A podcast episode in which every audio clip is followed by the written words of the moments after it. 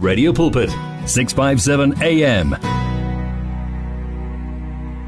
Asijule ngempela ezwini kuze kuyoshaya lapha o5 o'clock usanda kungena uwamkelekile ngowakho lomsakazo ohamba phambili ngeendaba zokholo kanye nomculo okholo eh kanti lapho sidla khona le lezwi noma kade sicwila kulona eh sithola amandla bazalwane siphinde futhi sithole nani nemvuselelo njoba ke kwamanje eh nginomlaleli lana okuwukuthi uzosherela the word kinale osilisedi uya uyazi ukuthi isikhathi uma sihamba la sithi share okusenhlizweni yakho uma ke une scripture othanda ukuthi ushare nathi nalapho ke ukhululekile awusilisedi dumela dumela awusibahle okay kite ngwena okay Giting. Hey siyajabula ukuthi sibe nawe kulolu suku uzosharela the word because uma sihlangene sekungabantwana bakaNkuluNkulu sihlephulelana lesisinkwa kuba namandla and kuba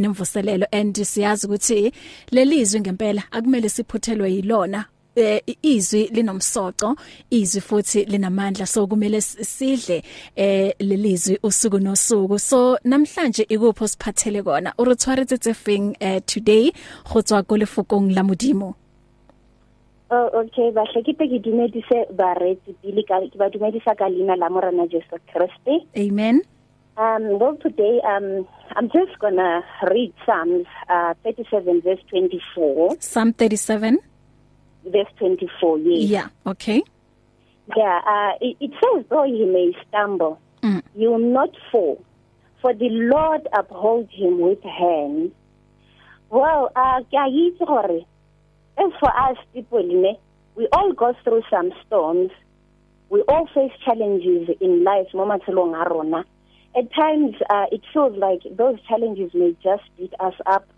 but we have to keep going let the let the idea of quitting never enter in our minds we should stay we should stay strong let's fight the enemy and i believe gore by doing that god's will it will be done mo matshelong a rona let's not run away from the challenges ha re tlhagelwa ke mathata mo matshelong a rona ke batla gore batho ba tshwarelle mo modimong re tseye dibaebele tsa rona re khubame ka mangwele re bue le morena rona Jesu Kriste i believe gore with those 39 stripes singwe le singwe whatever the challenge you may face in your life whatever the storm you may go through i know gore modimo a ka se a go tlogele o le nosi so tsentse re fela gore o se dire ke gore tshwarelle fela go gwene o ne le tshepo le hope gape ene gape ke tlo go banela scripture sa Psalm 90 verse 12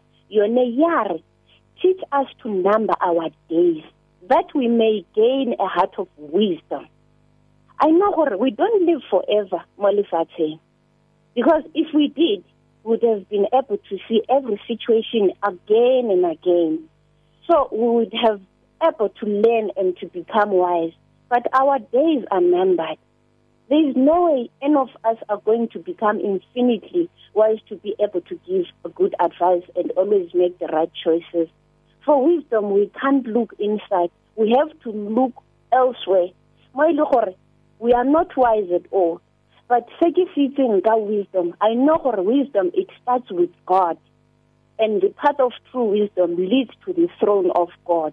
Anything that does not lead, there cannot be be wise because wisdom will not make this life more important than the eternity that follows so ne ke batla fela gore ke bue ka wisdom a ke right gore all of us right gore how did it begin begin ka Solomon yeah. we know gore um in chronicles chapter 2 verse 1 to 7 to 12 yeah that night god appeared to solomon mm. and said to him ask for whatever you want me to give you Mm. and solomon o rile a araba morena a morare modimo you have showed great kindness to david my father and have made make it, you have you have made me king in his place now lord god let your promise to my father david abamora are modimo jaaka o mo tshepisitse jaaka o netse papa ka lot of chelete ke a go kopa gore whatever you please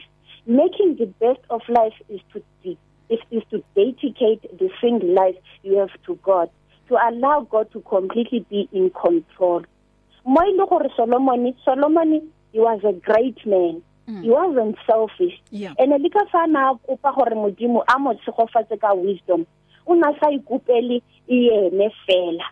He asked for wisdom because he wanted what was best for God's people. He understood the responsibility God gave him. He loved God's people and he acted because he wanted to help them by leading them. Solomon wasn't selfish in his request for wisdom. He wanted to be used by God. And Modimo o rile a lebella pelo ya ga Solomon. When he saw his heart desires, Modimo he decided to bless him even with those things he did not ask for.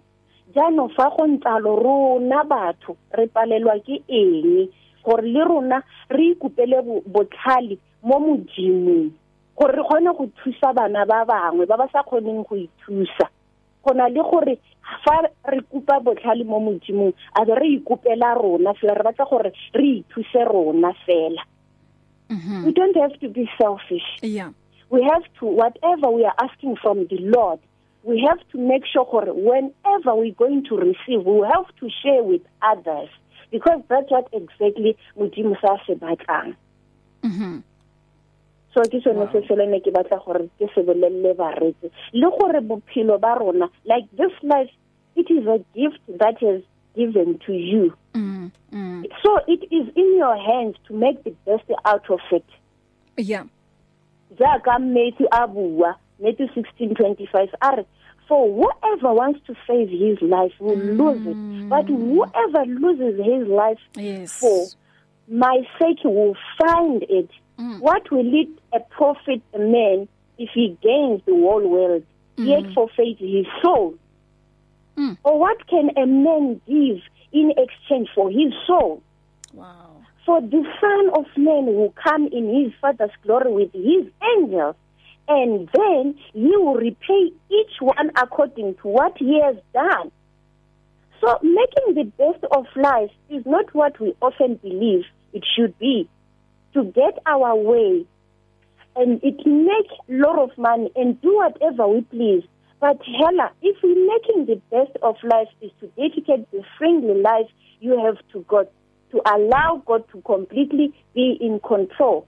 Jano sometimes rona modimo ha re tshogofatsa ka bonyenyane jo a re nelang bone we only forget about the others batho ba ile e gore ba tlhoka ka kontle batho ba ile e gore ba mo ditarateng kwa batho ba ile e gore ga banke ba ja dijo tse di apeilweng mo malapeng o itlhela motho o tswa mo restauranteng kgantlenyana o lathela dijo mo dustbin wa lebala gore kana go na le motho o mongwe e le gore o na le malatsi bo three bo four bo five bo seven days go sena sepe sa se tsentseng mo leganong la gagwe hmm. a bo ipotsa gore fa re le bakgethwa re le makeresete go hmm. tla yang gore o lathe dijo go na le motho o mongwe ka setereteng o tshwereng ke tlala a bo itlhela motho kgantelenyana o rwele ditlhako o na le ditheo di le eight mo ntlong ya gagwe o mm. kopana le mosadi yo mongwe nkoko wa bo sixty seven years o tsamaya sa rola ditlhako o palwe ke gore a ntshe there le one a mo inele e le gore ga re le batho we have to think about others not ourselves only not our, yeah. our families mm. only mm. le rona mm. we have to learn to put other people first before rona mm. gore modimo a tle a re tshogofatse a re tlhonolofatse yes because a re wa re blessa gore re khone go blessa le ba bangwe a kere yes mm. yes Wow, yes. wow, thank you so much Auslisedi go share the word le rona mo letsatsing la gompieno kane o sherile Psalm 37 verse 24 ne? Yes, uh, and Psalm then, 37 verse 24. And then um so sing scripture? Is Psalm 90 verse 12.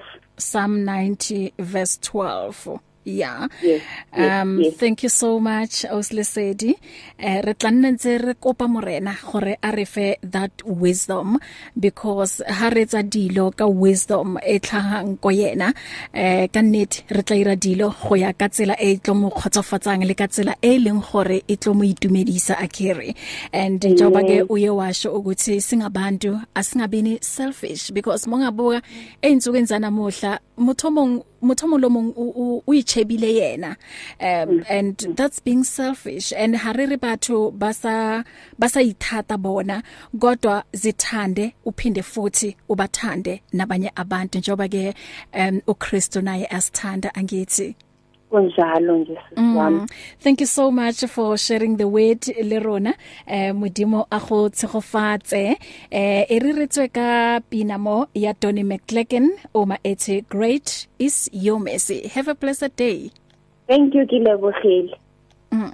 Yake awusilesedi loyo ebesinikeza ke eh the word uyazi ukuthi ke eh kubaleka ngakanani bazalwane ukuthi usuku nosuku em sitholele ngempela lokukudla ngomphefumulo mina ngikubiza ngokuthi eh kukudla ngomphefumulo mm asiphume njalo ke eh la ngoDonnie McClacken eshakamnandi ethi great is your mercy if you need prayer please send your request to prayer@radiopulpit.co.za or WhatsApp 067 429 or go to Radio Pulpit website on www.radiopulpit.co.za. Radio Pulpit's Facebook page makes you more a part of the station than ever before. Now you can give your opinion regarding our programs or even contact your favorite presenter. You can get the latest news and existing programs and communicate with other listeners. Come on, let your fingers do the talking on Radio Pulpit's Facebook page. It's interactive and dynamic. Just visit facebook.com forward slash Radio Pulpit.